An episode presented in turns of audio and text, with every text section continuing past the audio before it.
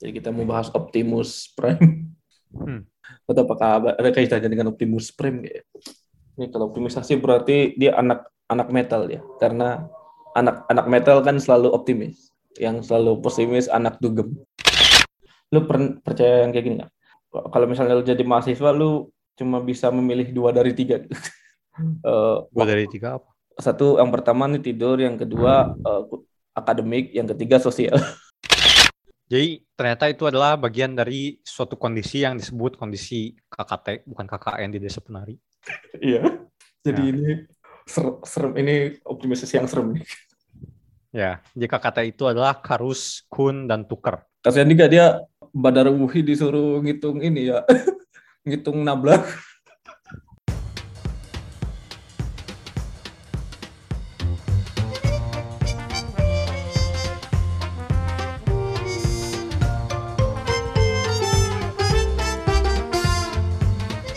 Selamat datang di podcast Bebas Linear. Di podcast ini kami membahas matematika dengan bebas namun masih berada di jalan lurus. Iya. Masih bersama saya Rizky dan partner saya Lawrence. Ya dan seperti biasa kalau misalnya seperti biasa kalau misalnya sebelum episode ya sebelum di bagian awal episode kita bahas apa yang terjadi di keseharian kita atau ada isu-isu yang ada di dunia ini.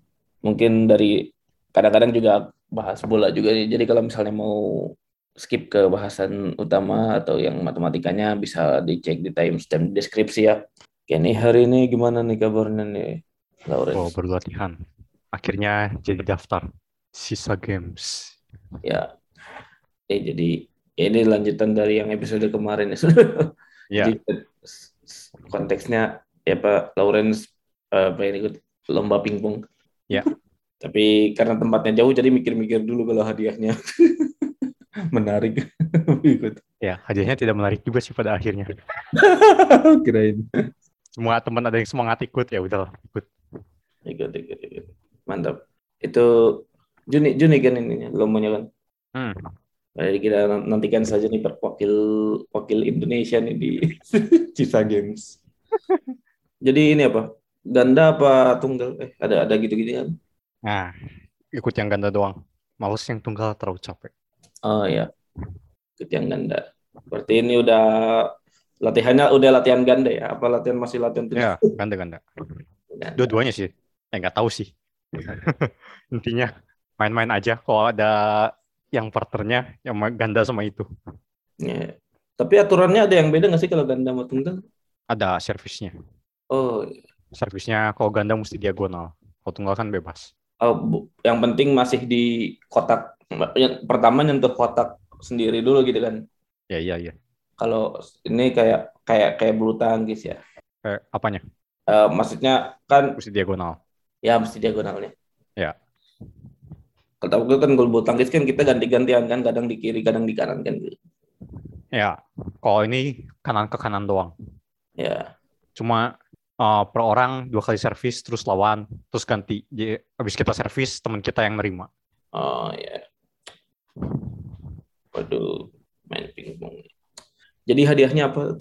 Tidak menarik. Wow, tidak penting. Cuma piala. Wah, sedih sekali. Nggak ada duit. Piala, tapi gak apa-apa. Kalau ada dapat piala berarti satu dapat satu gelar dibandingkan MU lima musim terakhir ya. Aduh. Setidaknya masih ada satu gelar. Tapi Premier League. Premier League bagus ternyata endingnya. Big Six, Big Six-nya Big Six. Edan sih emang itu. Terakhir game Black emang. Ya, terus City mantap. Comeback dalam 5 menit. Itu peringatan 10 tahun momen Aguero itu. Comeback lagi. Iya. Edan emang. Soalnya gue gue lihat di halftime kan gue gue gak nonton cuma lihat live score dan halftime tuh. Hah, apa ini Man City kalah satu, kalah satu kosong, Liverpool seri satu sama ini ini kok PA semua. Iya. Kayak kagak ada yang mau juara gitu kan. Ya, ngegasnya di babak kedua ya.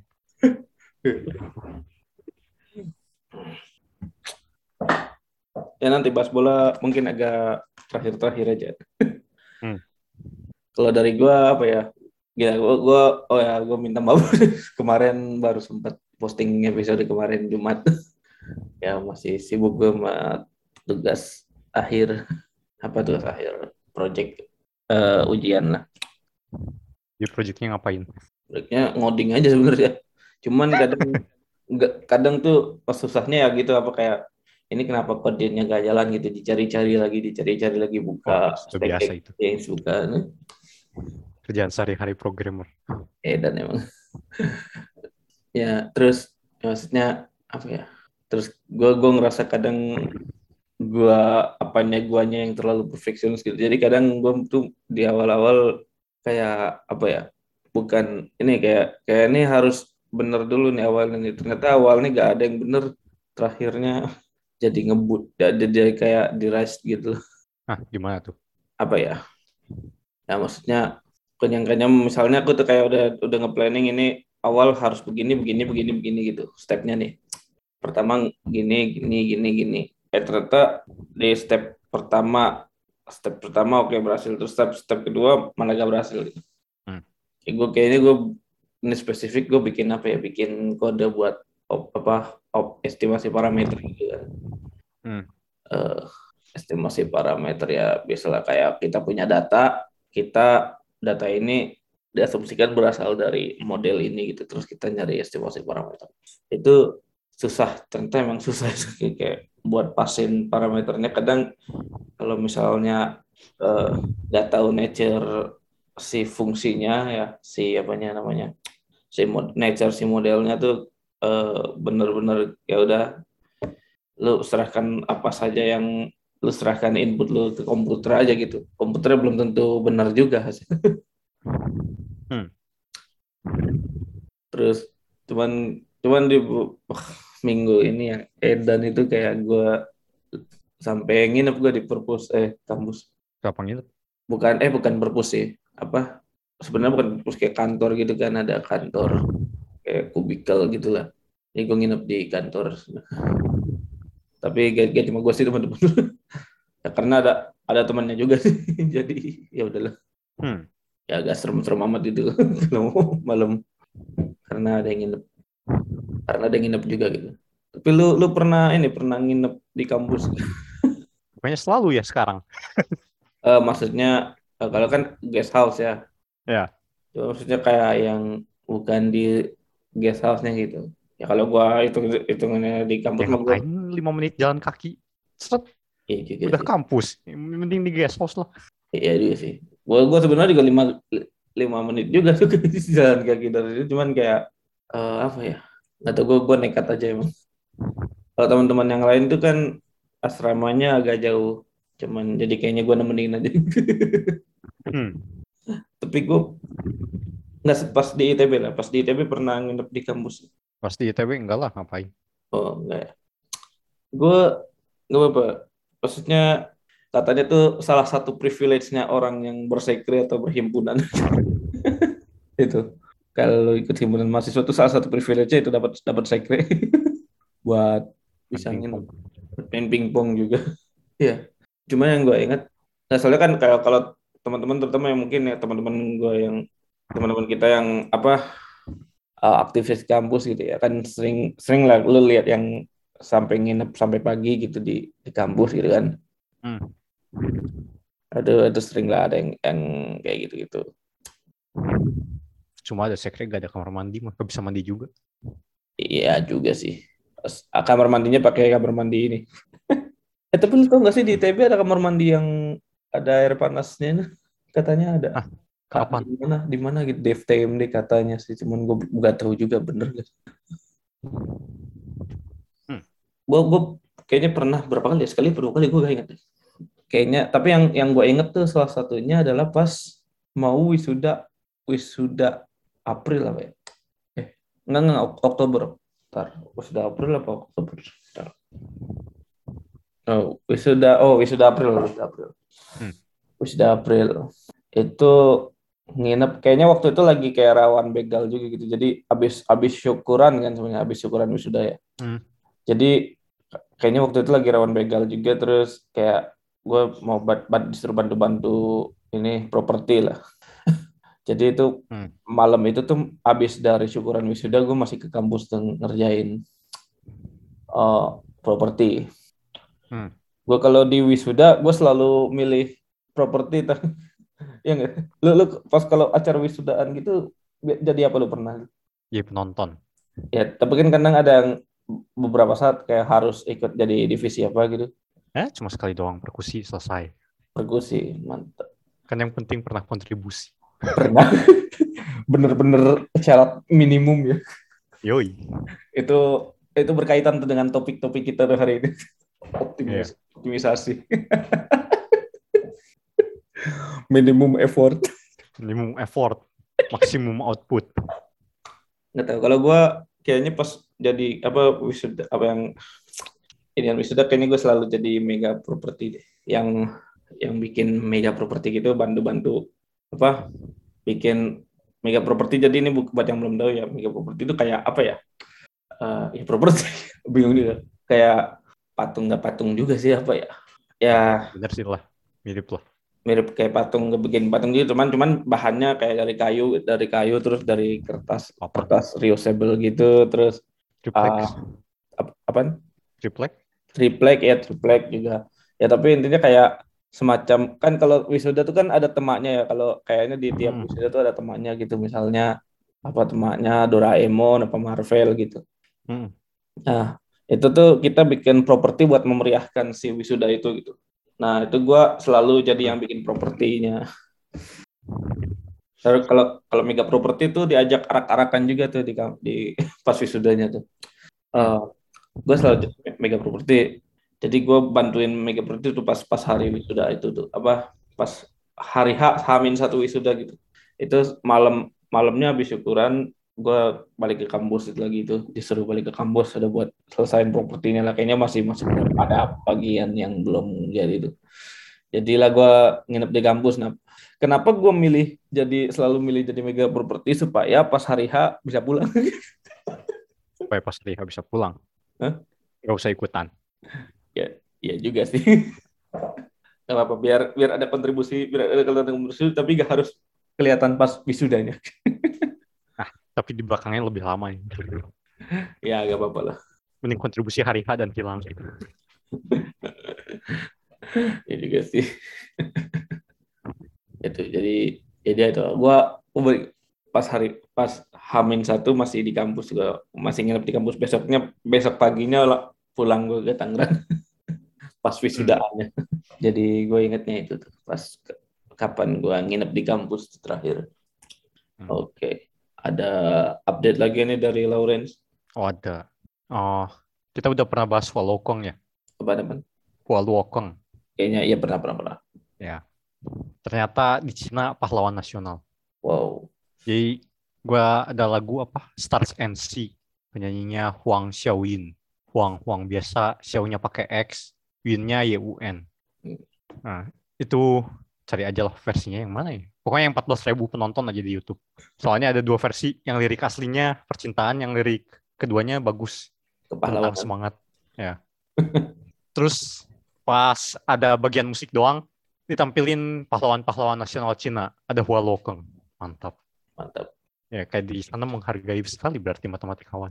Ya, soalnya dia kan yang ngebangun ekonomi Cina. ya Ya. Terus uh, kampus-kampus jadi maju juga gara-gara dia kan. oh, ya. gara-gara dia sama Asing Tung Yao. Ya.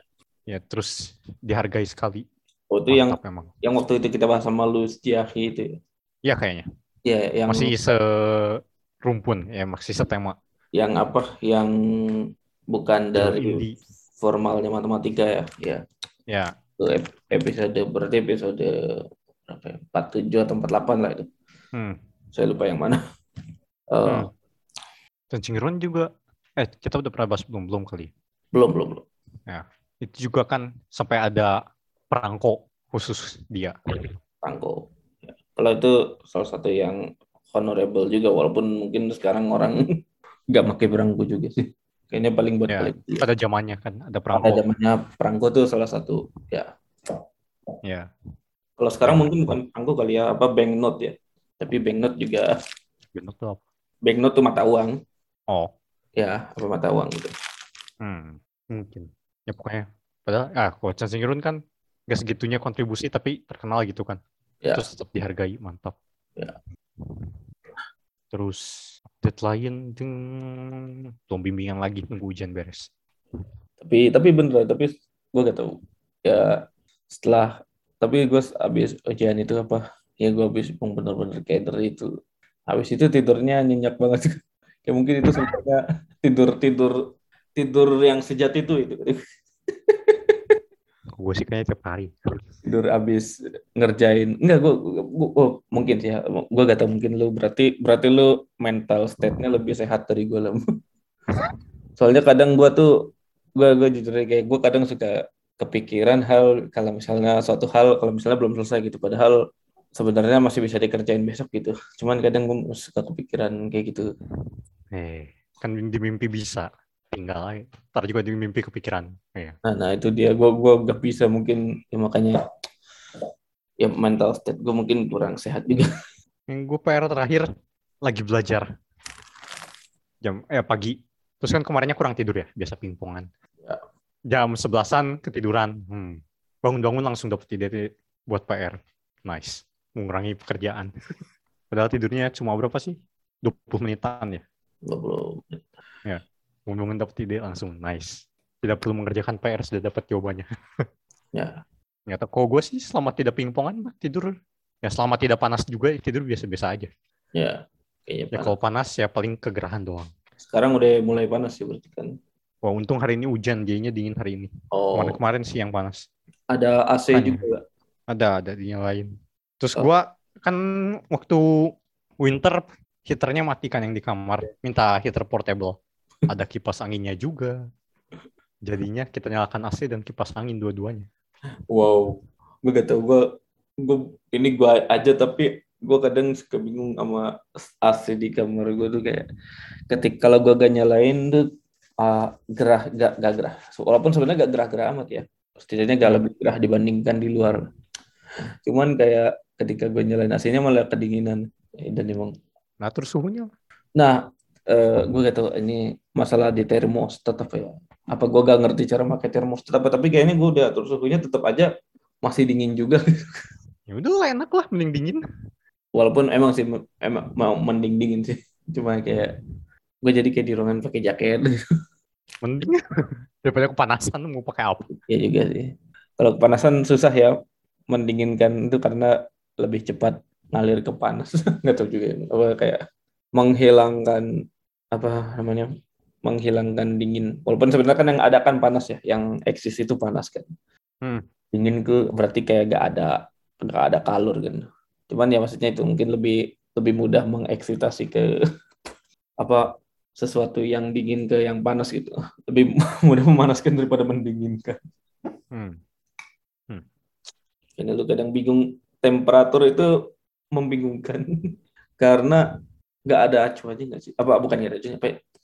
Uh, sekarang misal gini, misal ada kan apa uh, yang lo inget gak asas Black itu apa M kali C kali delta T inget gak? Enggak. Uh, Oke, okay. uh, jadi kayak selisih suhu ya, uh, perubahan suhu, uh, serba, apa perubahan kalor itu kan masa kali uh, konstanta kali uh, beda selisih suhu. Nah, terus misalnya gue punya suhunya Celsius nih. Gue punya suhunya Celsius. Nah, dua dua selisih suhu ini kalau kalau misalnya selisih suhu ini dalam Celsius itu kita harus ininya dalam Celsius juga gitu. Hmm. Kalau misalnya kita ubah ke Kelvin itu jadi jadi aneh. Hmm. Ya kan karena jadi karena itu kita gak bisa selisihnya kita selisihnya kita hitung terus kita kali ke Kelvin gitu. Misalnya selisihnya 20 derajat gitu. Terus kita, 20 derajat Celcius terus kita ganti ke Kelvin kan jadi jadi gede banget selisihnya gitu. Padahal kalau di skala Kelvin selisihnya itu 20 20 juga gitu. Hmm. Itu oke. Okay. Ada update apa lagi ya? Oh, Warriors juara Western Conference. Yes. Ini GGSW Golden State Warriors. Hmm. Ternyata yang ketahuan di final lawan siapa? Iya. Yeah. Mantap. Emang udah dibilang Don Kids doang yang Dallas. Hmm. Terus Mantap. ternyata yang hit juga cuma ngandelin satu orang. Siapa? Jimmy Butler. Nah, uh. kalau lawan hit lebih enak nih. Soalnya cuma satu orang yang diandelin. Sama kayak Dallas. Dallas juga cuma Don Kids doang yang diandelin. Mau bisa lawan yang mana lagi? Satu lagi Boston Celtics. Itu kolektif juga apa? Mungkin. Soalnya nggak tahu pemainnya siapa aja. kalau yang hit non nonjol banget dah. apa-apa ke Jimmy Butler. Jimmy Butler lagi yang tri, Jimmy Butler lagi yang scoring. Ah, Butler aja terus. Hmm. Kalau Celtics gak tahu pemainnya, jadi tidak tahu juga. Tapi sekarang ketat, tiga-tiga. Celtics hit satu game lagi. NBA. Lo gak, gak pengen nyobain basket gitu di sana? Lapangannya di mana? Oh gak ada. Tapi di sana ada di di, di Cisa. Jauh bet. Jauh. menit. Depan basket. Tapi mager juga lah basket mah. Lapangannya kayaknya nggak tahu ada yang indoor atau enggak. Kalau outdoor kan males tergantung cuaca. Pingpongan makan di dalam ruangan. Kalau ini fully pantai, fully pantai. Di mana juga nggak tahu. Kan dekat pantai kan tempat lu. Ya emang ini ada tempat volinya. Oh iya juga. Bikin ya kali. Siapa yang mau bikin? Oke. Ya selamat itu buat apa Golden State. Lain NBA ya itu. Bagus, bagus packaging entertainment sih kayak NFL. Gue sukanya itu. Amerika tuh bagus-bagus di enter- entertainment ya kan. Kayak apa? Packaging entertainmentnya bagus. Makanya yang waktu itu apa Euro- European Super League dulu kan pernah pengen bikin ya kan dari si Amerika juga kan yang bikin si JP Morgan itu. Ya, dia pengen bikin konsepnya tuh sama kayak gitu. Apa? eh dia sepak bola tapi ada entertainmentnya juga gitu mungkin kayak di kayak halftime kan kalau di eh, NFL ada Super Bowl gitu kan mungkin kayak di final nanti di finalnya itu juga bakal ada kayak hiburan-hiburan gitu cuma ya susah juga sih kalau membongkar tradisi orang Eropa jadi sesuatu yang Amerika gitu kalau kalau basket sama rugby kan sangat sangat Amerika kan Hmm. ya gua gua lebih kerennya di, di situ sih kayak Amerika tuh bisa eh, eh, packaging itunya keren. Hmm. Oke. Gara-gara lu bahas Amerika jadi inget. Tahu nggak ada penembakan di Oh iya tahu tahu tahu tahu. Itu itu itu Ya. ngeri juga sih itu. Ada. Terus yang ngelakuin penembakan 18 tahun. Iya. 18 tahun udah SMA. ngerti, udah ngerti cara pakai gitu loh. Ngeri Iya. juga sih. Tapi tapi ya itu itu itu kita prihatin juga itu. Kayak apa ya? Itu itu kayaknya gue gue yang ngeri kalau misalnya ke negeri orang tuh gitu. Apa? Terutama mungkin ke Amerika ya. Ya maksudnya eh, apa di Amerika tuh kan apa senjata tuh bebas kan. Hmm. Ya kayak lu lu lihat kayak film gua gua referensi gue soal Amerika ya apa film-film Hollywood lah gitu. Kayak apa Terminator, misal apa film-film Hollywood yang lain lah banyak The Purge. Kalau The Purge si Edan sih itu. Hmm. Betul itu kan pasti kalau lu nonton film-film Hollywood itu kayak kayak pasti ada aja gitu Tipe orang orang biasa megang senjata gitu kayak si Hmm. siapanya yang Terminator itu si, si lupa namanya lagi tapi yang yang tokoh utamanya lah yang itunya megang senjata juga gitu Hmm. kan Edan Edan gitu kayak kayak emang emang sebebas itu gitu Hmm. ya walaupun ada yang bilang ya itu buat buat buat pertahanan diri gitu cuman kayak ngeri juga gitu kayaknya bukan bukan yang pertama Siapa juga yang make? ya maksudnya ya makanya buat buat ya maksudnya kan buat pertahanan diri oke lah. Cuman kayak lu lihat dari sekian banyak kasus gitu kayaknya kasus itu kan kayaknya nggak cuma pertama kali kan itu. Pasti pasti udah sering Ya, udah sering. udah sering penembakan yang kayak gitu gitu. Mass school shooting itu. Kan sampai ada la- lagunya loh pump, pump up kicks-nya Foster the People. Itu Hmm. kan tentang school shooting. Hmm. kayak ya tuh ngeri, ngeri juga Ya, ya, terus yang gini, apa ya berarti ada masalah di orang tuanya juga kali ya? Anak 18 tahun udah bisa megang pistol, dibolehin lagi. ya sa- sa- masalah juga di orang tuanya sama masalah iya masalah parenting juga Ya, sama masalah terus mental masalah juga mental health. ya jangan dilupakan juga itu Oke, ada. Di sini juga baru ada yang ESP kena mental health. Iya. Dibawa ke rumah sakit. Karena gue gua, gua ngikutin juga tuh topik itu di Twitter tuh kayak ada argumennya yang mungkin yang against tentang pelarangan senjata ya lah orang Hmm. kalau misalnya mau bunuh mau bisa pakai apa aja gitu bisa pakai pisau lah misal cuman kan nggak semudah kalau orang pakai pisau kan nggak semudah pakai senjata gitu. walaupun itu juga jadi masalah tuh Kak. pisau tuh di di mana di UK ya Hmm. itu juga jadi masalah jadi mungkin apanya dulu ya yaitu tadi lah si mental health-nya itu tuh Hmm. Ya tapi benar sih. mental Kalau health pakai pistol, lebih sulit Iya, dan lebih tidak banyak korban. lebih ya bisa orang prevent lah gitu. Hmm. Kalau misalnya kejadian gitu, misal pakai pisau gitu kan, yang lain masih bisa sempat lari gitu kan. Ya, Kalaupun ada korban, ya kan harapannya tidak ada korban gitu. harapannya ya gitu loh. Cuman tapi itu tetap tetap jadi masalah ya walaupun udah gak ada juga belum tentu. Mungkin cuman tetap aja gitu kan. Orang, orang ngomongnya gak ada hubungan ya gak ada hubungan orang ya tetap aja itu kan bikin lebih mudah. Hmm. Ya. Jadi mungkin gak, gak selalu gak cuma itu lebih ke mental health juga. Mungkin masalah struktural juga ekonomi dan lain-lain. Ya terus ya tadi kita bahas apa ada kabar duka penembakan. Ada juga kabar duka lainnya ya dari ini apa anaknya Pak Ridwan Kamil. Hmm. Sampai sekarang masih belum ditemukan ya. Ya. Ya ya tuh apa apa terseret arus sungai ya di Swiss. Hmm. Ya mudah-mudahan diberikan yang terbaik. Tahu kalau misalnya memang tidak ketemu ya ditempatkan di sisinya. Hmm. Oke, kita terus berduka juga. ya. Hmm. Oke, selanjutnya ada ada ke update bola lah. Ya. update Liga Inggris. Ya. Udah bahas Edan juga emang terakhirnya gue ngikutin tuh. Hmm. Ya, tapi sebenarnya yang yang itu yang sempat kena PHP Liverpool gitu kan. ya udah 2-0 Hmm. tapi tuh gak ngegolin ngegolin eh ke ke, bal ke balap 3-2 kan Man City-nya menang. Jadi kayak wow. Kenapa gak dari gue yang bener kan. Iya. tapi itu close itu close. Itu close to be true alias Liverpoolnya kenapa gak dari tadi? Apanya? ya, kenapa gak dari tadi unggulnya gitu misalnya kalau Yang bodo amat sih. juga sih.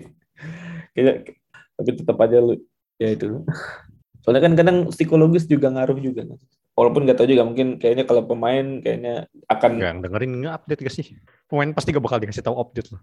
ya juga sih, konsen. juga sih cuman kan nggak nggak pemain nggak selalu apa ya gak oke gak, gak, gak mungkin ya kayak pasti pasti pemain bakal disuruh fokus ke pertandingan kan regardless apa pun hasil satunya lagi gitu cuman kan pasti Iya. penonton kan ada penonton kan udah ada udah ada penonton kan jadi kayak pasti kebaca nih gitu loh ini kok penonton tiba-tiba lesu gitu padahal timnya lagi menang misalnya Mungkin. kayak kayak gitu loh kok kok tim saya lesu gitu penontonnya gitu padahal lagi nyerang gitu kok lagi nyerang nggak di ini gitu Nah, tapi dua-duanya yang menang mah sama aja gak sih? ya, ya juga sih kalau dua-duanya menang emang Ya, cuma itu loh ten tension itu karena dua-duanya sempat kalah dulu Hmm. ya itu Eden Eden Liga Inggris Eh, terus apa ini ya berarti Man City, Man City ya juaranya Man City Liverpool Chelsea Tottenham ternyata Iya, bukan Arsenal. bukan Saya dua-duanya menang. mantap tapi Tottenham di di terutama di paruh kedua ya ngebut ngebut banget semenjak Antonio Conte datang gitu emang ini gara-gara Conte. iya kan Antonio Conte kan Hmm. ini gara-gara MU ngalahin Tottenham 3-0 nih jadi Tottenham mencat pelatihnya kemudian ganti Conte itu Iya bener lah. Lah masa kalah sama MU? iya Sama Crystal Palace aja kalah ya? harusnya MU aja yang kalah jadi yang datengin Conte MU MU. lah emang ada... Lah, MU kan udah diganti duluan kan enggak enggak, belum. olehnya. jadi olehnya tuh pas lawan Tottenham tuh masih oleh itu Oh, baru ya tetap aja gak sih kalau kalah diganti Ragnik juga loh. oh enggak lah. Kalau kalah kan belum belum. pakai ya kan ada ru- rumornya ada juga. Oh, Conte gitu. Itu masih available tuh si Tottenham apa Conte-nya. Hmm. masih masih available. Terus, malah oleh yang oleh oleh menang terus. Baru minggu depannya oleh kalah tuh. Baru baru dipecatnya tuh pas minggu depannya. Itu juga sama Watford lagi 4-1 emang eh dan Hmm. Itu Terus ternyata Golden Boot-nya Son Heung-min. Son Heung-min itu Masalah ya? pemain yang ini ya yang pernah latihan di Saraga Oh iya. terus dapat Golden Boot Tahu nggak yang waktu Asian Games kan Asian Games Oh iya. Oh iya. Ya, sih gitu. gak ingat. Katanya sih gitu, cuman gua gak, gak lihat juga sih secara langsung ya katanya sih. Sama Satu nggak lihat juga. satu satunya pemain di Saraga yang Saraga ITB Hmm. yang dapat Golden Boot Premier League. Oke, terus jadi udahlah Ars- Arsenal, MU masuk Liga Champions juga, tapi rasa jeruk Mengecewakan. Harusnya West Ham dah. ya itu gara-gara West Ham-nya kalah juga lagi. Iya. Aduh, harusnya MU Conference League aja. Biar biar biar lengkap koleksinya kan Europa League udah pernah conference. kan kadang gitu gua kalau main apa FIFA, Fafes itu pengen leng- lengkapin koleksi, emang sengaja turun Aduh. biar koleksi lengkap.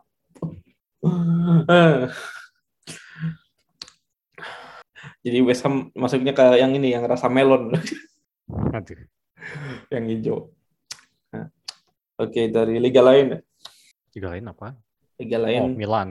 Milan akhirnya. Ya. Ibra katanya tercapai keinginannya. Lu tau gak sih satu-satunya tim yang kayaknya dilatih Ibra apa dilatih Ibra apa Ib- apa tim yang ada Ibrahimovic tapi gak gak dapet juara liga tuh cuma MU doang.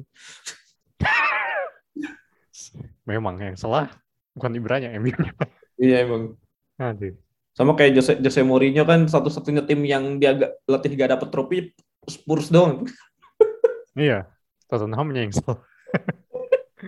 Unai Emery apa gak, gak dapet Europa League coba di Arsenal. Wah, tapi Arsenal lumayan.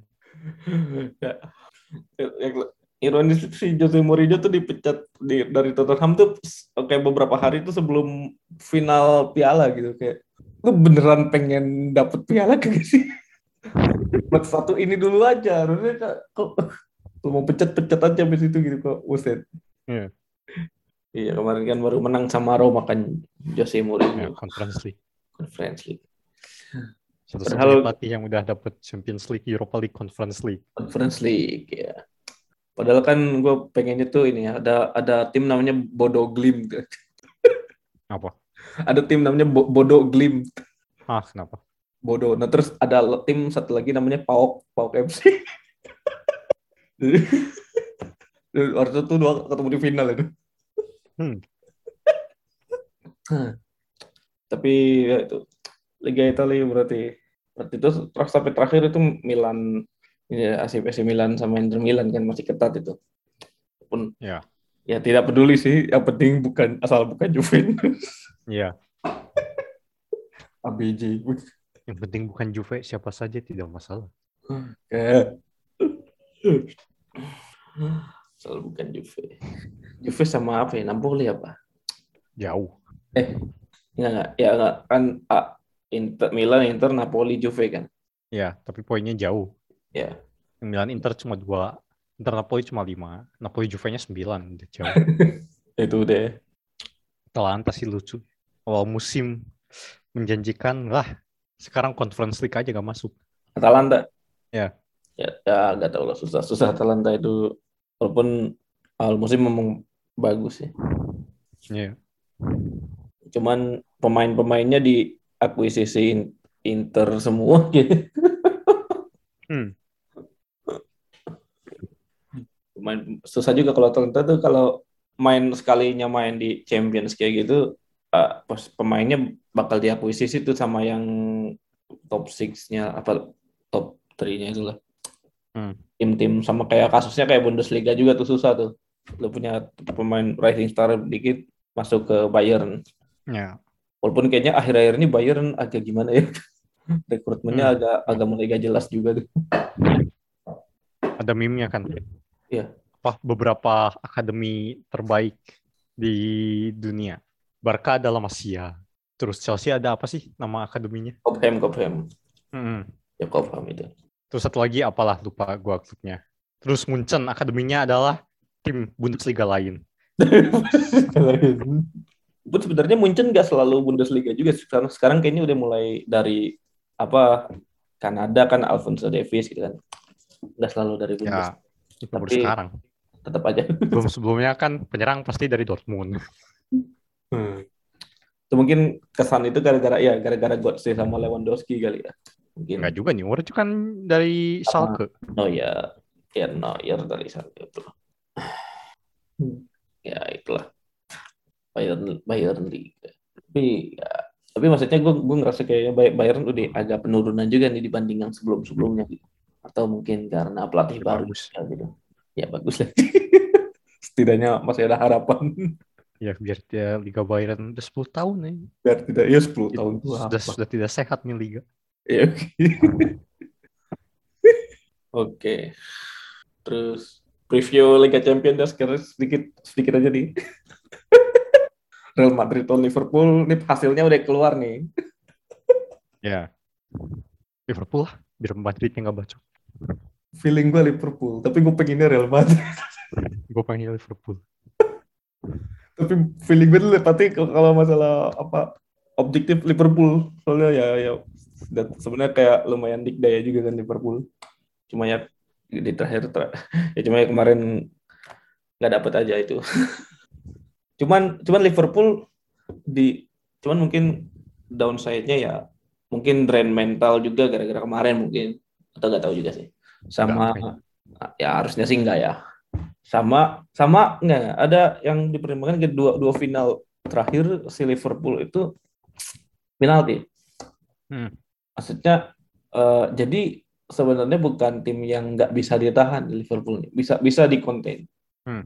Eh, cuma ya nanti tergantung di Madrid mainnya kayak apa nih. bisa nggak sih ngekonten Liverpool? Ya Hmm. tapi kalau kuat-kuatan ya emang, emang ya salah satu tim terbaik lah Liverpool saat ini. Hmm. Tapi ya kalau misalnya Real Madrid Hmm. ya sudah. Jadi kita tayang sudah sudah ada hasilnya bisa dilihat Hmm. saja. Apakah ada momen-momen Karius lagi? Gila dari, dari tahun 2018 yang gue inget cuma Karius doang emang ya. jahat emang kasihan itu tuh satu satu momen penghancur karir itu. Kasihan gue. Sa- salahnya ada padahal setelah itu setelah bertonton terbukti emang gak cuma Karius yang bisa gitu lawan Benzema tuh. Hmm. Kiper lain juga tapi gak ada yang karirnya sehancur Karius. Oke, dicukupkan dulu kali ya. Hmm. Oke, kita masuk ke bahasan utama.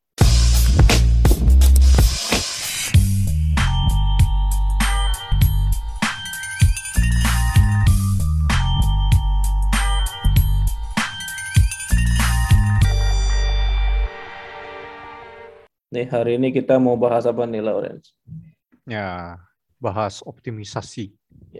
Jadi kita mau bahas Optimus Prime. Hmm. Atau apakah ada- kaitannya dengan Optimus Prime nggak ya? Ini kalau optimisasi berarti dia anak anak metal ya, karena anak anak metal kan selalu optimis, yang selalu pesimis anak dugem. Tahu nggak? Ya. Met- Metal versus dugem tuh itu itu lagu lagu bagus itu tuh. Tahun-tahun tahun-tahun lagu kayaknya masih enak. Hmm. Oke, kita akan bahas ya, optimisasi di eh, matematika ini secara umum. Jadi kita akan mulai dulu dari arti kata optimal. Optimisasi kan upaya untuk membuat sesuatu asal katanya itu dari optimal. Upaya untuk membuat sesuatu optimal. Nah, kalau kita lihat ke KBBI, optimal ini berarti terbaik atau tertinggi atau paling menguntungkan. Kalau kata Meriam Belina itu di jok berapa kali saya pakai. Nggak, nggak. kayak kata Merriam Webster eh, optimal itu artinya most desirable or satisfactory. Hmm. Jadi intinya tuh kita ingin mendapatkan hasil yang meng- paling menguntungkan. Walaupun kalau di KBBI tadi ada kata tertinggi ya, ada kurang tepat ya mungkin karena ya, karena bisa jadi gak selalu yang tertinggi yang kita ingin bisa jadi yang terendah juga gitu. Misalnya Ya. kalau tertinggi ya memaksimalkan keuntungan gitu, membuat keuntungan setinggi tingginya, memaksimalkan keuntungan dari penjualan satu barang gitu. Atau Hmm. kalau terendah te- terendah ya bisa meminimalkan waktu tempuh gitu, meminimalkan waktu tempuh untuk berangkat kerja atau meminimalkan biaya pengeboran minyak gitu. Hmm. Nah, ya- namun ya Cuma kita nggak cuma berhenti di tujuan aja nih. Kita tadi kan punya tujuan nih, kita ingin meminimalkan apa atau memaksimalkan apa. Tapi kan hidup nggak semudah.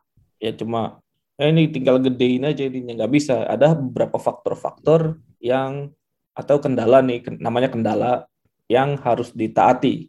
Misal kalau tadi dalam kasus jualan ada kendala misalnya tempat atau modal atau waktu waktu berjualan atau tenaga kerja. Banyaknya tenaga kerja berjualan sih. Banyak tenaga kerja orang yang punya usaha jualan itu. Atau misalnya di kasus. Kalau misalnya kita ingin meminimalkan waktu tempuh untuk berangkat kerja gitu kita harus lewat rute mana sih gitu. maka ya kita tergantung naik apa dulu. Kalau naik motor ya nggak bisa lewat jalan tol misal. Kalau naik mobil kita nggak bisa lewat jalan tikus gitu. Nggak bisa nyelip nyelip kalau macet misal. Hmm. atau kalau misalnya kita naik kendaraan umum ya trayeknya udah terpilih lah udah terbatas itu. Atau misalkan dalam contoh terakhir untuk meminimalkan biaya pengeboran minyak kita butuh inul. Nggak kita harus misalnya harus memperhatikan amdal atau analisis dampak lingkungan. Kita harus memperhatikan juga misalnya uh, biaya tenaga kerja dan juga apa keselamatan tenaga kerja itu. Jadi kayak tenaga kerja nih gak boleh overwork nih harus kerja maksimal berapa berapa jam nih sehari nih gitu. Kalau overwork ya dikhawatirkan kan ini uh, situasinya hostile juga gitu. Ya jadi gimana nih optimisasi ya ya kan tadi dari bilang tujuannya entah meminimumkan atau memaksimumkan sesuatu ya nah tapi kita ada kendala-kendalanya jadi dunia ini tidak ideal ya. nah kendalanya adalah berupa himpunan solusi yang diperbolehkan. Jadi kita cuma boleh ngambil solusi di himpunan yang tersedia. Walaupun bisa jadi tidak ada kendala sama sekali, tapi tetap saja kita harus nyari solusinya di suatu himpunan tertentu. Nah, jadi secara matematis, masalah optimisasi dijabarkan sebagai berikut. Diberikan fungsi F dari himpunan A ke bilangan real, maka kita uh, pengen mencari suatu titik minimum M di A sehingga FM kurang dari sama dengan FX untuk setiap X di A. Ya bisa juga sebaliknya. Jadi bisa jadi maksimum juga. Nah, kalau maksimum uh, kita bisa juga carinya pakai minusnya. Kalau jadi minusnya kan jadi minus FM lebih besar sama dengan minus FX. Nah, jadi fungsinya ini spesifik ke bilangan real karena well ordered. Uh, dan fungsinya ini satu saja. Jadi kalau mau cepat-cepat aja, kalau mau murah-murah aja, walaupun nanti ada yang namanya multi objective optimization ya ambilnya satu fungsi aja dan ntar dijelasin apa itu multi objective optimization jadi nah. itu tadi kalau misalnya kita pengennya harus cepet pengennya kayak kita mau cepet apa mau murah nih gitu kan hmm. ya kayak kayak gue jadi ingat ada ada gium apa sih lu per, lu percaya tapi lu percaya ada gium ini kayak apa, ada apa? percaya ada gium apa yes, gium apa ada gimana istilah lah. Uh, lu per, percaya yang kayak gini gak? Apa kayaknya kalau misalnya lu jadi mahasiswa lu cuma bisa memilih dua dari tiga. uh, dua dari tiga apa? Dua. Jadi lu kalau dari mahasiswa lu cuma bisa memilih dua dari tiga, yakni waktu tidur. Uh, satu yang pertama nih tidur, yang kedua uh, akademik, yang ketiga sosial. Tidak percaya. Kadang-kadang saya kadang saya mengamini itu somehow. Karena gue sedang melakukan tiga-tiganya. Ya, berarti mungkin Anda well balance lah. Berarti Anda bisa mengoptimalkan tiga-tiganya. Ya, waktu tidur juga bisa. Bisa lah. Asal orangnya tidak cupu sih bisa. ya. Oke. Okay. Nah, jadi ada beberapa istilah dalam dunia peroptimisasian. Nah, jadi kadang kata optimisasi ini disebut juga programming. Nah, ini beda sama ya programming di komputer atau coding. Maka ada yang namanya program linear. Jadi ada ya linear programming. Ya. Nah, fungsi yang kita ingin cari maksimum atau minimumnya ini namanya fungsi objektif atau fungsi tujuan. Nah, terus kalau X anggota himpunan A yang bikin nilainya minimum ini namanya solusi optimum atau minimizer atau argmin. Aneh juga argmin, kayak argumen. Ya, argumen minimum. Ya benar. Ya. Atau kalau maksimum ya berarti maximizer atau argmax lah. Ya. Soalnya kalau dikomplekskan argumen itu sudut. Iya ya betul betul. Cuman ini nggak belum tentu unik juga sih argumen ini si argumen ini karena kan si fungsi itu bisa punya min- bisa minimum tapi bisa di minimumnya di dua titik kan. Hmm. Ya, jadi belum tentu unik juga. Bisa jadi juga ada juga. Iya, Tergantung himpunan A-nya. tergantung kayak apa juga eh, si bentuk masalahnya. Nah, terus A-nya ini di- di- biasanya disebutnya search set. Himpunan yang dicari, himpunan pencarian, ya gitu lah. Dan titik-titiknya ini disebut solusi visible. Ya, baru visible doang, belum tentu optimal. Tapi intinya diperbolehkan atau ya visible. Terus, kalau dari definisi umum tadi, A ini sudah punya kendala. Tapi kadang kita tulis A ini himpunan umumnya dulu. Ya misal himpunannya real atau RN gitu. N-dimensional real. Nah, terus kita tulis kendalanya terpisah gitu. Ya misal kita pengen meminimumkan uh, fungsinya fxy sama dengan x plus y dari R2 ke R.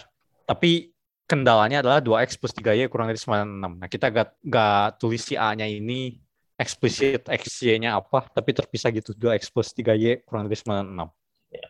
Nah, terus kalau misalkan himpunan A-nya punya metrik seperti Rn, ya semua juga, semua himpunan kan bisa dikasih metrik ya. Ya, metrik ini dia diskret. Ya, kalau gak trivial discrete. Iya. Nah, maka kita bisa definisikan minimum lokal, yakni titik M sehingga Fm kurang dari samaan Fx uh, untuk X-nya di sekitar M atau ya apa jarak dari X sama M-nya kurang dari delta gitu misalkan dan minimum global. Nah, kalau minimum global ya udah solusi optimum karena dibandinginya sama semuanya. Hmm. Nah, sekarang kita telah nih beberapa jenis optimisasi. Ada apa aja nih? Nih, yang pertama, yang sudah kalian kenal dari SMA. Jadi ini Masa emang kenapa? sepertinya di SMA tidak ada kata optimisasi. Memang sih tidak mungkin belum pernah kedengaran. Hmm. Tapi ya ini adalah salah satu optimisasi juga ternyata. Hmm. Nah, jadi ini di program linear. Nah, oh ya lu belajar program linear ini tahun keberapa? Eh, tahun kedua, tahun pertama. Lu kan Axel ya? Nggak ingat. Nggak ingat. Gue gak tau. Gue tapi kalau di gue eh, tahun ketiga, eh, kelas 12 berarti. Kelas 12 SMA. Kelas 12 SMA belajar program linear. Tapi setahu gue kalau misalnya di kurikulum baru ya, K- K13, program linear tuh kelas 10 malah. Hmm. Nah, kenapa kelas 10? Karena dia samaan sama apa sistem persamaan vari- variabel gitu loh. Sistem persamaan dua dan tiga variabel. Jadi emang ini eh, memang memanfaatkan sistem persamaan linear. Ya ini Hmm. ya kalau contoh soal cerita ya- yang ya ini program linear ya yang contoh soal cerita kayak gini nih. Kayak kita misalkan ingin jualan apel sama jeruk gitu. Terus eh, harga beli apel dan jeruknya nih ha- harga beli apel 4.000, terus harga beli jeruk 6.000. Hmm. Nah, terus misal kita cuma punya modal 120.000. Hmm. Lalu dan selain itu eh, kendala lainnya adalah kita cuma punya tempat penyimpanan untuk 40 buah. 40 buah apel dan jeruk gitu. Nah, lalu kalau misalnya apel dan jeruknya nih kita jual 5.000 dan 8.000 berturut-turut nih. Jadi apelnya kita jual 5.000, jeruknya kita jual 8.000. Berapa nih total maksimum keuntungannya nih? Hmm. Nah, nah masalah tadi ya kalau bisa kalian cari dulu. Dan ini kita mau menuliskan ininya aja apa bentuk umum ah, bentuk umum bentuk matematisnya nih. Jadi biasanya kalau yang kayak gini-gini kita ini dulu kan apa? Cari tentukan dulu yang x yang mana yang y yang mana. Hmm. X-nya apa, y-nya apa nih. Misal x-nya apel, y-nya jeruk. Hmm. Maka tadi keuntungan kan berarti untuk satu apel keuntungannya 5.000 kurang 4.000 ya, 1.000 ya. Terus Hmm. untuk jeruk eh, 8.000 kurang 6.000 2.000 berarti keuntungannya tiap jeruk nih. Berarti maksimum kan fxy ini fxy ini nih 1000x tambah 2000y. Hmm. Dengan kendala tadi kendala yang pertama adalah eh, modal. Jadi modalnya kan untuk setiap apel keluar 4000, untuk setiap jeruk keluar 6000 nih. Jadi 4000x tambah 6000y. Dia modalnya cuma ada 120.000. Jadi 4000x tambah 6000y kecil dari atau sama dengan 120.000. Lalu sama eh, storage-nya juga dari penyimpanan 40 buah. Jadi X tambah Y lebih kecil atau sama dengan 40. Hmm. Jadi itu tadi kita punya maksimum maksimum maksimumkan keuntungan dengan kendala. Jadi intinya sebenarnya dia fungsinya kendalanya fungsinya fungsi linear, kendalanya bentuknya persamaan linear juga atau pertidaksamaan linear gitu. Kurang lengkap tapi. Apa? X dan Y-nya non negatif. Oke, betul. Oh iya, ada juga. X dan X-nya besar 0, Y-nya besar 0. Betul, betul. Masa negatif. Iya juga sih. Negatif jeruk. Ngutang jeruk dulu. J apa muntahin jeruk yang sudah dimakan. Kasihan juga ya. Nah, jadi secara umum, umum kita dalam, dalam udah dalam bentuk umum nih. Masalah pemrograman linear ini bisa ditulis sebagai berikut nih. Jadi minimum kan ya kalau tadi maksimum kan kan berarti tinggal ganti min, minusnya aja kan jadi fx sama dengan minus uh, minus 1000 x min 2000 y gitu ya lalu kita minimumkan si f-nya gitu nah jadi secara umum nih uh, model persamaan linear di uh, masalah pemrograman linear nih bentuknya kayak gini minimumkan fx sama dengan p transpose x jadi x-nya nih udah vektor nih jadi x-nya bisa n variabel, bisa x1, x-nya nih x1, x2 sampai xn. Terus p-nya juga vektor. fx fx sama dengan p transpose x dengan kendala ax lebih kecil atau sama dengan b. Jadi a a-nya ini matriks dan b-nya vektor. Tapi bentar, kenapa matriks lebih ke, vektor lebih kecil dari vektor? Nah, maksudnya nih apa nih? Maksudnya vektor lebih kecil lebih kecil atau sama dengan vektor ini maksudnya setiap elemennya lebih kecil gitu. Hmm. elemen setiap elemen di vektor ax lebih kecil atau sama dengan elemen vektor b gitu. di uh, entry yang sama. Hmm. Nah, nah kan tadi ada yang x lebih besar 0 y besar 0 kan tadi kan, lu sempat ngoreksi kan tadi kan. Hmm. Itu bisa dibalik aja tandanya gitu. Kalau x besar 0 ya berarti min x kecil atau sama dengan 0 gitu. Kalau disama dengan ya berarti kalau misalnya x misalnya x tambah y sama dengan sekian, harus sama dengan sekian nih. Berarti kan itu kan lebih besar atau sama dengan dua kali kan gitu kan. Ada dua dua constraint kan. Hmm. Yang bisa ditulis. Jadi intinya bisa, uh, bisa ditulis dalam bentuk persamaan uh, pertidaksamaan linear. Pertidaksamaan linear yang bentuknya matriks AX kecil atau sama dengan uh, B. Lalu biasanya juga jarang sih kalau yang X tambah Y besar doang itu soalnya mungkin jadi enggak ini ya masalahnya. Jadi enggak tutup uh, apa jadi gak tutup ya uh, himpunannya ya. Hmm. Kalau ekspresinya besar dari dua misalnya besar doang itu gak pakai sama dengan jadi jadi gak tutup masalahnya. Jadi biasanya si persamaan linear ini emang uh, himpunannya bentuknya tutup gitu uh, lebih kecil atau sama dengan. Ini selanjutnya gimana nih? Nah ya. Terus kalau di SMA biasanya. Kalau yang masih di R2 belajar sosialnya ini uh, selalu di pojok. Nah, terus ada beberapa tempat les yang kita sebut saja mereknya ningit ningit ningit nah begitu. Ya. langsung aja pakai titik yang di tengah. Ya dicari dengan nge-solve persamaan linear constraint-nya. Tapi hal ini tidak benar karena harus dicek satu-satu di semua titik pojoknya juga. Nah apakah pasti di titik pojok gitu yang optimumnya nah kalau ternyata himpunan kendalanya kompak jadi mereka solid gitu bekerja sama dengan baik yeah. himpunan kompak tuh maksudnya tertutup dan terbatas, khusus di real. Jadi ingat lagi di bagian topologi, definisi yeah. kompak itu apa. Nah, jadi kalau himpunannya kompak, pasti solusinya di titik pojok. Nah, masalah ini sudah ditelaah sejak zaman Fourier. Tahu tidak? Apa? Fourier itu bukan Fourier bacanya. Jadi? R-nya itu R Prancis kayak Fourier. Fourier, ya gitulah. Oh, kan tapi mungkin R, yang R-nya R Prancis Aproksimasi ya. Bukan F O Y E. Iya. Apaan F O Y E? Fourier. Ada dosen fisika kan? Pak Fourier. Hmm. Fourier. Ya, Fourier.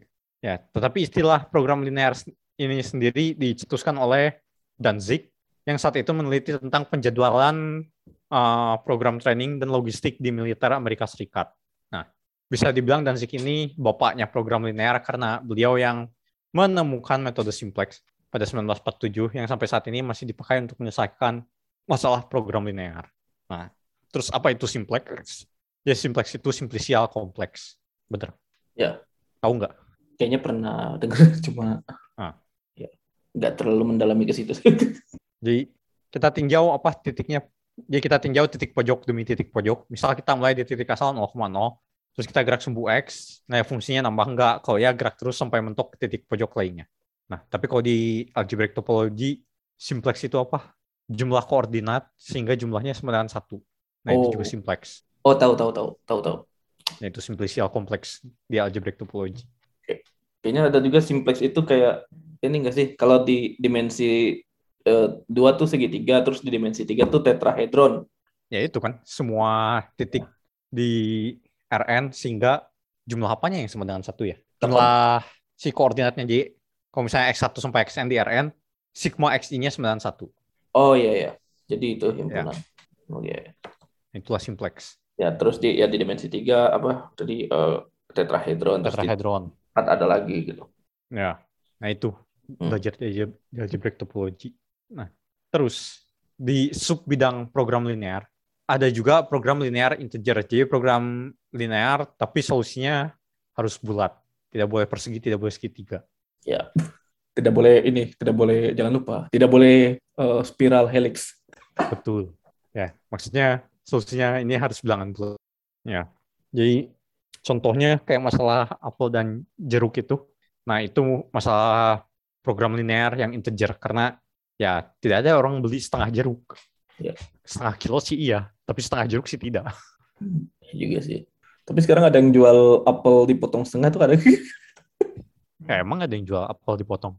Kok semangka sering, melon sering. ya, itu kan ada berarti buah dipotong terus dijual ada berarti.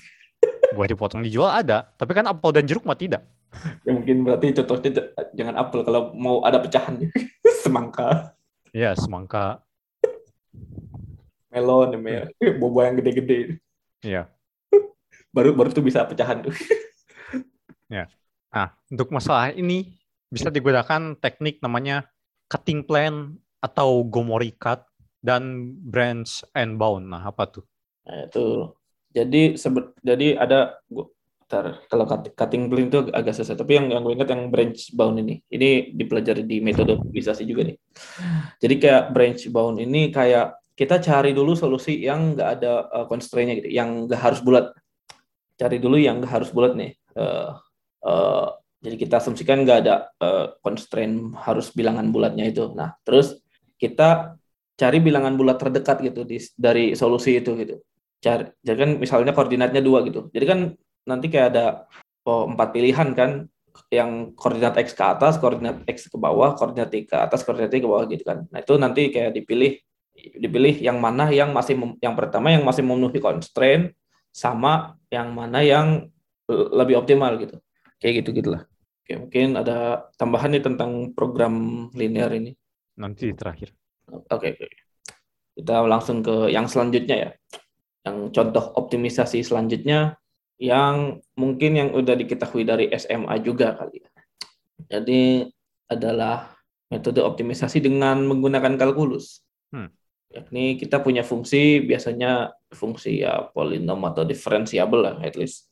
Eh, minimumkan fungsi fx dari r ke r. Jadi ini dari r ke r aja. Diselang a, koma b atau selangnya di atau tanpa selang mungkin atau mencari cari x di minimum di seluruh real lah misal dan ya tadi eh, karena pakai kalkulus ini biasanya fungsi-fungsi yang bisa diturunkan kayak polinomial gitu-gitu lalu kita cari x-nya sehingga f aksen x sama dengan 0 lalu untuk tahu ini apakah jenis maksimum atau minimum kita pakai turunan kedua atau atau kalau enggak membandingkan nilai turunan di sebelah kiri atau kanan. Jadi kalau misalnya yang di sebelah kirinya naik ya plus atau positif berarti naik kan terus eh, fungsinya naik terus di sebelah kanannya turun. Jadi itu kalau naik turun itu berarti minimum eh, maksimum lokal kan.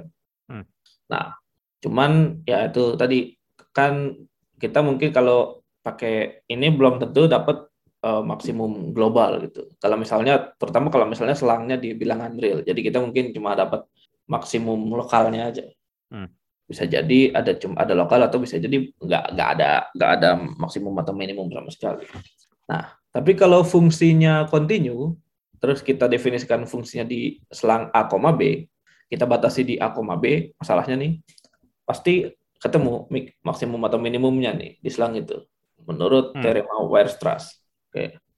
Teorema ini juga berlaku di dimensi yang lebih tinggi.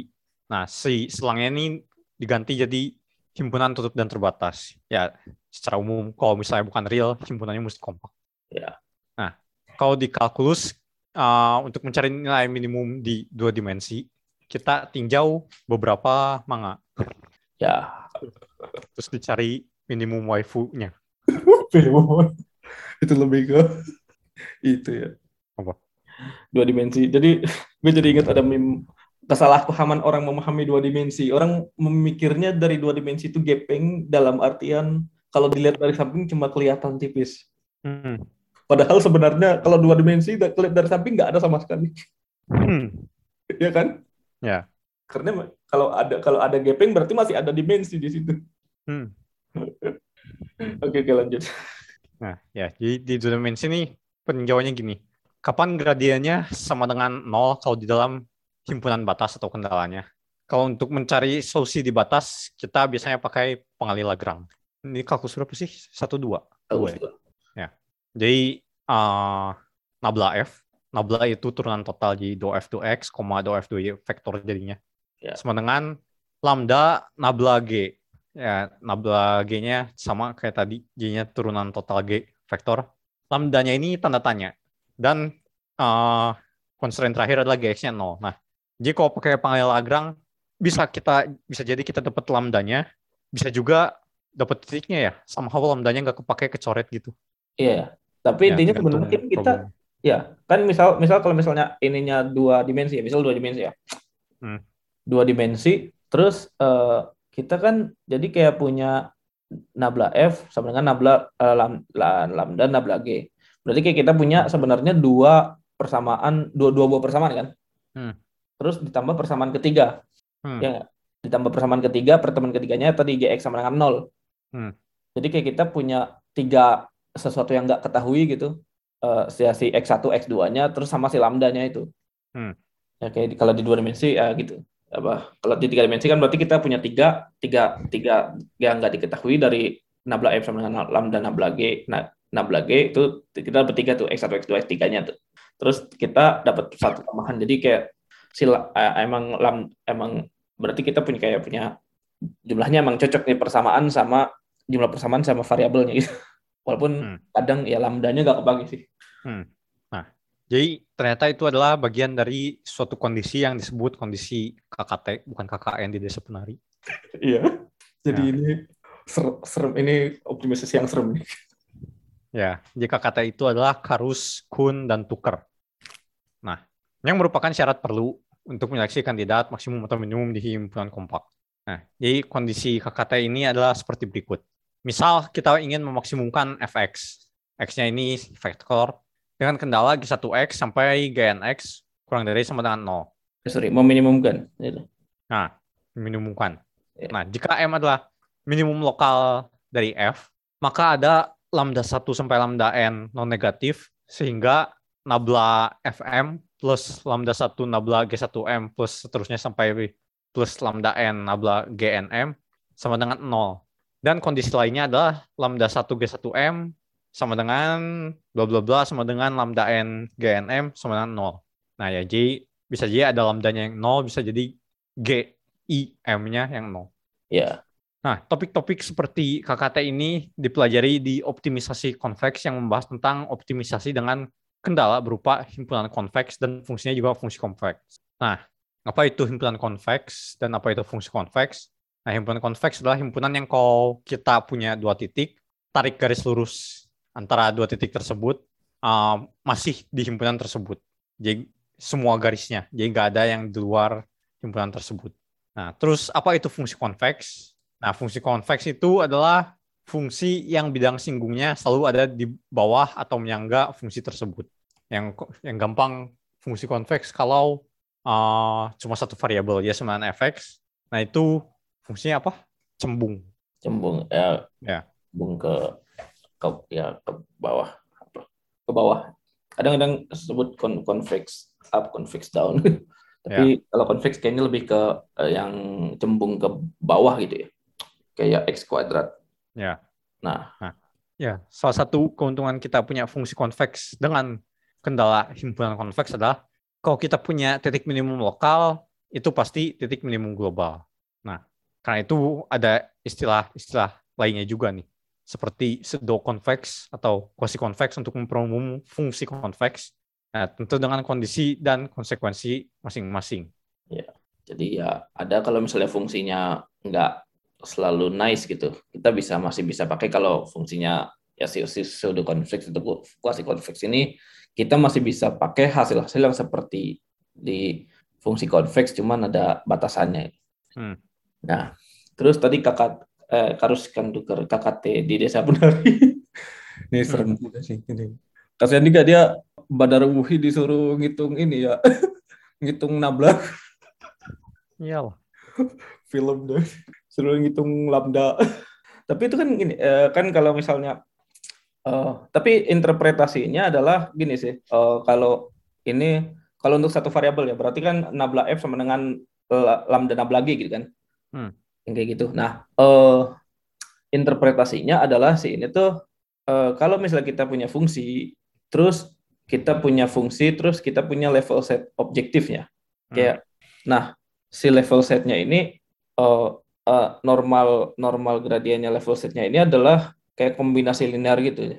Jadi kayak suatu ibaratnya kalau misalnya di pojok itu dia benar-benar nyentuh gitu, benar-benar menyinggung. Makanya itu kenapa nabla F sama dengan lambda nabla G gitu. Jadi kayak kalau misalnya motong kan berarti masih ada yang kalau misalnya ada lingkaran nih, misalnya ada lingkaran sama garis nih. Hmm. Lingkaran sama garis kan nanti kan ada salah satu yang menyinggung kan. Hmm. Nah, itu di situ di saat menyinggung itulah di terjadi minim minimum atau maksimum fungsinya gitu. Misalnya fungsinya yang lingkaran, batasnya yang eh, eh bukan bukan. Misalnya batasnya yang lingkaran, fungsinya yang garis gitu. Fungsinya kan hmm. garis bisa dianggap sebagai garis gitu. Garis level set. Gitu. Jadi hmm. kayak eh, kalau misalnya menyinggung itu nah itu yang dimaksud eh, nabla F sama dengan eh, lambda nabla G gitu. Dia menyinggung garisnya gitu. Itu interpretasi geometris. Hmm. Kalau kata tadi ini kan karena dia constraint-nya bisa banyak, jadi menying berupa kombinasi linear dari semua constraint. Oke. Hmm. Jadi prakteknya kalau KKT tadi emang emang ya tadi kalau lambdanya gak nol, G-nya yang nol kan gitu kan. Karena ada lambda I G GI kan, lambda I G I M sama dengan nol kan.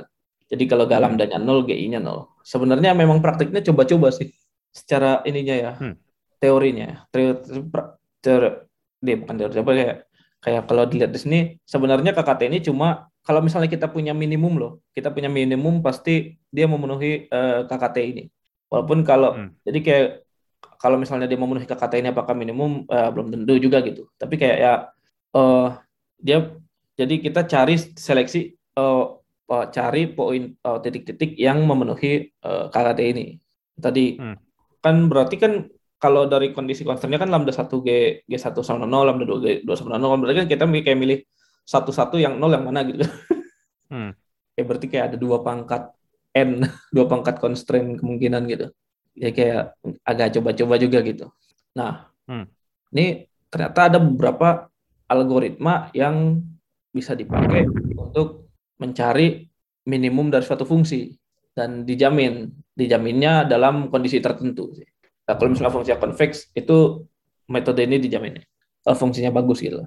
Tapi setidaknya hmm. at least kita bisa nyari lokal minimumnya dulu lah. Gitu. Misalnya ada gradient descent atau steepest descent. Hmm. Ini ini sebenarnya mungkin di, di kalkulus 2 juga udah ada ini. Yeah. Jadi misal kita di permukaan gunung lah gitu. Permukaan gunung ini adalah fungsinya. Jadi gunung ini fungsinya nih kita tuh kita tuh adalah titik gitu titik kita mau dari suatu titik di permukaan gunung di di fungsi di di, di himpunan terus kita punya nilai fungsinya adalah gunung lalu kita mau menuju ke titik dasar atau minimum kita pengen ya udah puas mendaki gunung ya tahu kalau misalnya mau mendaki gunung juga bisa tinggal dibalik aja lah analoginya hmm. tapi ini kita misalnya kita pengen ke titik dasar gitu kita pengen ke lembah gitu Nah, gimana cara supaya tercepat untuk mencapai lembah? Kita cari kan titik mana nih yang kita cari kita cek sekeliling kita cari nih yang mana nih yang arah turunnya paling maksimum gitu kan. Hmm. Walaupun kalau naik gunung beneran berbahaya juga sih. Hmm. ya kali langsung kalau langsung jurang kan kalau langsung jurang kan bahaya juga. Hmm. Jadi tapi ini maksudnya kita ya sebenarnya titik lah. Kita kita adalah titik kita pengen nyari uh, uh, uh, apa titik minimum. Jadi kita mengarah ke arah di mana turunannya curam gitu. Yang turunan paling curam. Yang mana itu adalah minus dari gradien. Minus dari gradien di titik minus dari gradien fungsi di titik kita berada. Itu dari hmm. kan bisa dicek pakai teorema Taylor ya. Hmm. Nah, Cuman kita udah menentukan nih arahnya nih harus ke sini nih. Misal harus ke barat daya lah. Sejauh apa kita harus melangkah nih? Kalau kalau kalau orang kan bisa ya kecil-kecil dulu gitu, kecil-kecil dulu. Kan kalau ini kan kita pakai komputer ceritanya gitu. Kita hmm. melangkah langsung kalau misalnya kegedean langkahnya misalnya kayak monkey Delavy hmm. bisa elastis gitu. Kalau misalnya kita melangkahnya terlalu jauh malah eh puncak lagi gitu loh. Hmm. Ke gunung lah, ke puncak gunung lagi gitu.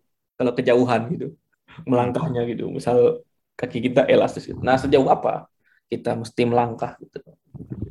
Jadi yang kayak gini ada kriterianya lagi untuk menentukan seberapa jauh kita melangkah nih. Contohnya ada kriteria Wolf atau Armijo. Hmm. Ya ada kriterianya untuk menentukan seberapa. Kalau fungsinya kayak gimana nih, stepnya harus memenuhi ini lebih kecil dari sekian sekian gitu. Itu, itu ada. Jadi untuk menjamin si fungsi ini uh, konvergen ke apa konvergen ke titik minimumnya. Hmm. Ya. Oke. Lalu oh ya ini ada tambahan lagi nih. Terus untuk yang uh, kayak gini-gini, gue kalau di waktu belajar optimisasi ada ada juga yang metode nggak kayak coba-coba juga sih, kayak apa ya? Jadi kayak di fungsinya misal kita punya domain ya, domainnya misalnya R2 terus dari min min 5 sampai 5 X-nya dari min 5 sampai 5, Y-nya dari min 5 sampai 5 gitu. Terus kayak itu kita bisa sebar tuh titik awal tuh. Hmm. Kita sebar titik awal, lalu kita cari kita evaluasi di situ fungsinya, terus yang paling kecil yang mana? Terus nanti kita rotasi gitu titiknya. Kita cari rotasinya nanti ada aturannya gitu kalau misalnya paling kalau misalnya udah paling kecil rotasinya sedikit aja gitu karena itu kan itu kan berarti udah dekat ke minimumnya gitu jadi kita rotasi terus kita evaluasi gitu titiknya gitu gitu terus nanti kayak kayak apa ya istilahnya kalau ini di kayak mata mata elang lagi gitu. elangnya tuh kalau mata bukan mata elangnya apa kayak sekumpulan burung gitu kita nyari eh di sini titik minimumnya gitu jadi ketika titik minimumnya ketemu nanti kayak gitu, titiknya tuh akan ngumpul ke situ gitu. itu ada teknik-teknik kayak gitu. Hmm. Ya, oke. Okay. Lanjut, ada apa lagi? Ya, jadi ini ada metode-metode lainnya. Salah satunya yang terkenal adalah kalkulus variasi. Nah, ini mirip kalkulus ya karena itu ada nama kalkulusnya. Tapi x-nya ini adalah fungsi. Jadi kita membahas perubahan fungsi terhadap fungsi, jadi fungsional. Ya, jadi kayak kita melakukan kalkulus tapi di fungsional. Nah, jadi apa itu fungsional? Fungsional adalah fungsi J yang memetakan fungsi F ke bilangan real. Nah, contohnya adalah luas daerah atau panjang kurva F pada interval AB. Nah, jadi si luas daerahnya adalah fungsi gitu. Yeah. Nah, terus di kalkulus variasi ini kita ingin mencari fungsi F yang membuat fung, uh, nilai fungsionalnya ini minimum. Nah, salah satunya ada namanya teorema Euler-Lagrange. Dia analogi dengan kalau misalnya di kalkulus biasa salah satu cara ngecek si titiknya uh, membuat optimal adalah turunannya sama dengan nol atau enggak. Yaitu kan salah satu calonnya ya. Kalau turunannya nol bisa jadi membuat titik optimal bisa jadi juga enggak. Nah ini ya. serupa teorema Euler-Lagrange nih mirip seperti itu. Hmm. Nah jadi misal fungsionalnya adalah panjang kurva. Maka kalau kita punya kumpulan fungsi yang melalui titik X1,1 dan X2,2. Nah, kita pengen tahu dengan kalkulus variasi ini, dari semua fungsi yang lewat dua titik ini, mana yang bikin jaraknya minimum. Nah, ternyata yang bikin jaraknya minimum adalah garis lurus. Ya. Garis lurus dalam tanda petik ya. Kalau di geometri diferensial tergantung kurvatur permukaannya. Nah, itu juga bisa dicari pakai buat apa? Mencari geodesik namanya apa? Garis di geometri, ya. garis di bidang apa? Garis di bidang. Ya. Garis, apa namanya? garis di permukaan bola lah misal kayak gitu-gitu. Hmm.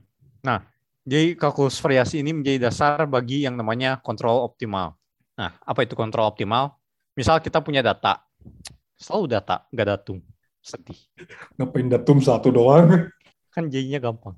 Nah, data ini diasumsikan diperoleh dari suatu persamaan diferensial atau sistem dinamik. Nah, kita ingin mencari fungsi yang kalau kita masukkan ke persamaan diferensialnya meminimumkan jarak dari hasil persamaan diferensial ke data yang kita punya dengan batasan tertentu. Kayak misal uh, fungsinya harus kontinu atau tidak boleh terlalu curam, zigzag, dan lainnya. Ya. Nah, metode lainnya apa nih? Ya, itu tadi metode atau salah satu bukan metode mungkin tadi kayak bidang juga bidang optimasi bidang Ya. optimasi ada yang kayak gitu. Eh, lainnya ada ini salah satu ma- masalah spesifik ya. Eh, traveling salesman problem. Hmm. Jadi apa ini traveling salesman problem? Ya sesuai namanya. Misal ada kurir atau salesman atau ya pekerja apa pun lah. Atau Gojek misal bisa gosen-gosen. Ini Hmm. misal ada kurir yang harus meng- mengirimkan barang ke sejumlah kota, kota A, kota B, kota C, kota D, dan seterusnya. Lalu dari tempat asal, gimana kita cari rute tercepat dari tempat kurir itu balik ke tempat kurir itu lagi dengan cuma melewati satu kota. Hmm. Jadi kita mencari rute tepat. Jadi kayak tiap kota kan ada jaraknya. gitu. Jadi kayak jarak dari kota A nanti bisa ada tabelnya tuh kota A ke kota B berapa, kota A ke kota C berapa. Jadi kita dari habis kota A ke kota C apa ke kota B kayak gitu-gitu. Nah, masalah ini ya bersifat NP-hard. Ya berarti po- no, apa bisa diverifikasi dengan polinomial cuman belum bisa dicari dengan eh, waktu polinomial ya. Hmm. Dan ya sejauh ini maksudnya NP-hard itu apa isi isi to check but eh, hard to find gitu. Nyarinya ya tapi kita kita kalau udah dapat solusi oh bisa dicek ini memenuhi gak gitu. Nah, sejauh ini eh, metode apa traveling salesman ini diselesaikan kalau nggak coba-coba ya trial error atau brute force gitu ya. Hmm. Siapa tahu dapat yang lebih kayak misalkan dari lima kan pilihan kotanya banyak tuh kayak rutenya banyak jadi kayak kombinasinya kan banyak gitu. Jadi kayak bisa aja kayak brute force dari 50 ribu hasil pilih rute yang paling eh, optimal gitu jaraknya gitu misal. Sejauh ini ya kalau nggak coba-coba bisa dengan metode heuristik. Ini yang di, diajarin di metode optimisasi itu yang ini heuristik. Jadi caranya nih, misal kita pergi kota terdekat dulu, lalu dari kota terdekat ini kita pergi ke kota terdekat lagi gitu. Kota terdekat dari kota itu yang belum dikunjungi dan begitu seterusnya. Hmm. Oke. Lalu tadi kita sempat bahas ya ada namanya kalau fungsi kan kita harus fungsi objektif itu kan kalau bisa satu aja gitu ya. Kalau mau cepet cepet aja gitu. Kalau mau murah ya murah aja gitu. Cuman ternyata setelah saya cari-cari lagi ada ternyata yang multi objektif optimization. Jadi ya bisa aja sebenarnya kita punya cepat dan murah secara bersamaan. Hmm. Jadi intinya adalah kita punya fungsi hasilnya di, RN. Kalau tadi kan kita ngebahasnya di R ya, fungsinya di real. Dan kita fungsinya di RN di multi objektif ini. Nah, untuk mencari solusi di objek multi objektif ini, jadi ada yang namanya optim optimum Pareto. Jadi optimum Pareto ini sebenarnya kayak misalnya kayak optimum di masing-masing eh, koordinatnya lah gitu. Optimum di masing-masing koordinatnya. Tapi kalau misalnya saya di satu koordinat saya mau nambahin, saya mau maks- eh, nambahin lagi nih biar lebih maksimum lagi di satu koordinatnya. Nah, koordinatnya lain nih misalnya kita pengen nyari maksimum ya. Di koordinatnya harus ditam misalnya pengen ditambahin, di koordinat lainnya harus dikurangin gitu. Jadi kayak ada drawbacknya gitu. Hmm. Intinya kayak gitulah. Kayak ada yang harus dikorbankan lah gitu. Kalau misalnya kita mau nambah satu hal, ada yang harus dikorbankan. Hmm. Maka ya tadi mungkin lu bilang kalau misalnya lu bisa bisa tidur, bisa menjaga akademik dan sosial, berarti lu berarti udah di optimum Pareto ini. Hmm. Jadi ya walaupun ya pada akhirnya memang bakal banyak juga. Jadi nilainya tuh gak, gak, gak selalu unik gitu dapatnya. Bisa banyak, ada banyak kondisi apa nilai optimum Pareto nih. Dan ini tergantung yang bikin problemnya gitu. Mau solusi yang seperti apa. Hmm. Jadi pada akhirnya kembali ke pilihan masing-masing. Oke. Ada tambahan tadi? Ya, di program linear ya. Ya. Eh, teorema Hanbana adalah program linear. Ya. Nah, kan program linear apa? Mau optimal, mau optimalkan sesuatu yang linear ya. Terus Ya. kita analisis fungsional belajarnya fungsional linear kan. Fungsional yang bentuknya ya setahu aku masih kemarin sih masih linear lah. Ya. Operator linear. Apa ya tadi? Ya. Ya. Nah ya. Hanbanah kan apa? Kalau kita punya fungsional di subruangnya dengan batas tertentu kan. Hmm. Dia kurang dari sama dengan suatu fungsi lain. Ternyata dia bisa diperluas ke semua ruangnya. Hmm. Nah itu salah satu uh, contoh program linear. Terus program linear lainnya adalah shift method. Shift Shift method juga program linear. yang kemarin. Ya. Wow. Ini Soalnya kaget. kita apa linear gak ya? Ya linear sih bener. Kita punya shift-nya kan, terus mau optimumin si uh, apa mau maksimalin si suku utamanya, ya. minimumin suku errornya kan. Oke. Nah itu itu juga program linear. Nah jadi buat yang penasaran uh, detailnya gimana bisa dilihat di webnya Terence Tao. Apa yang di kuliah 254A Analytic Number Theory Notes 4. Nah itu dijelasin program linearnya. Oh, Lebih jelas lah, lebih detail. mantap. Jadi program linear bukan hanya yang applet begini, yang pure juga itu juga program linear. Ada kepake. Ya. Mantap. Ya, terus kalkulus variasi juga salah satunya berguna buat ngebatasin apa persamaan diferensial parsial ya. Ya, Nah, jadi kalau hmm, kalau punya persamaan diferensial parsial normnya kurang dari sekian ya kira-kira ada solusi atau enggak. Nah, kira-kira kayak gitulah. Hmm. Begitu. Ya, terus apa buku? Eh, saya nggak tahu sih kalau waktu kuliah pakai buku. waktu kuliah kayaknya saya nyatet dosen aja, bener. Tapi tet- tetap manjur itu. Catatan dosennya bagus soalnya. Tapi waktu itu bukunya, ter, bukunya Rao, bukunya ininya Rao, Eh, apanya? Pengarangnya. Pengarangnya yang pengarangnya ya Rao. Nggak tahu apakah sama dengan Rao Blackwell ah ya. Rao Engineering Optimization. Oh. memang kayaknya lebih ke engineering Makanya- pokoknya kayaknya itu waktu metode optimisasi itu aku tuh kayaknya lebih ke teknik diajarin gitu. belum yang konsep-konsepnya baru kemarin nih terus kalau yang mau belajar kayak tadi apa convex optimization gitu-gitu bisa pakai bukunya ini apa Muhtar Bazara Muhtar Bazara ini judulnya Nonlinear Programming Theory and Algorithms Hmm. Terus kalau untuk apa ya? Kalau untuk tadi apa kalkulus variasi kayaknya kayaknya ada yang bagus nih. Ada, ada yang bagus nih bentar. Bukunya Gelfand dan Fomin. Nah ya. Saya lupa tapi judulnya apa ya. Benar. Gelfand dan Fomin. Wait, saya lupa Gelfand. Gelfand. Gelfand dan Fomin Calculus of Variation lain. Oh ini, Calculus of Variation benar. Gelfand dan Fomin. Ini Gelfand itu yang waktu itu itu ya, apa sih apa Semeredi ketuker namanya. Ya. Ya, ya Gelfand yang itu. itu itu bagus itu buat buat apa? Kalkulus variasi. Oke, ada tambahan lagi mungkin? Oh. Enggak. Ya, ya kalau optimisasi menurut aku ini mungkin salah satu yang paling praktikal ya.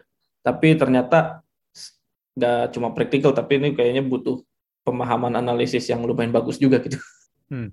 Karena ya kata tadi kan gradient descent kalau kita, kita ngambil stepnya kayak gimana nih supaya jamin konvergen kayak gitu-gitu kan. Itu itu itu juga diperhatiin tuh. Hmm. Ya gitu-gitu terus ya ini sebenarnya salah satu bidang yang ya menarik juga sih kalau buat aku. Oke. Sudah ya? Hmm. Oke, ya sampai sekian ya pembahasan kita tentang optimisasi. Kalau misalnya suka konten-konten kami bisa di-follow di Twitter @bebaslinear, di Instagram @podcastbebaslinear dan di-share ke teman-teman kalian. Eh, Sampai jumpa di episode berikutnya.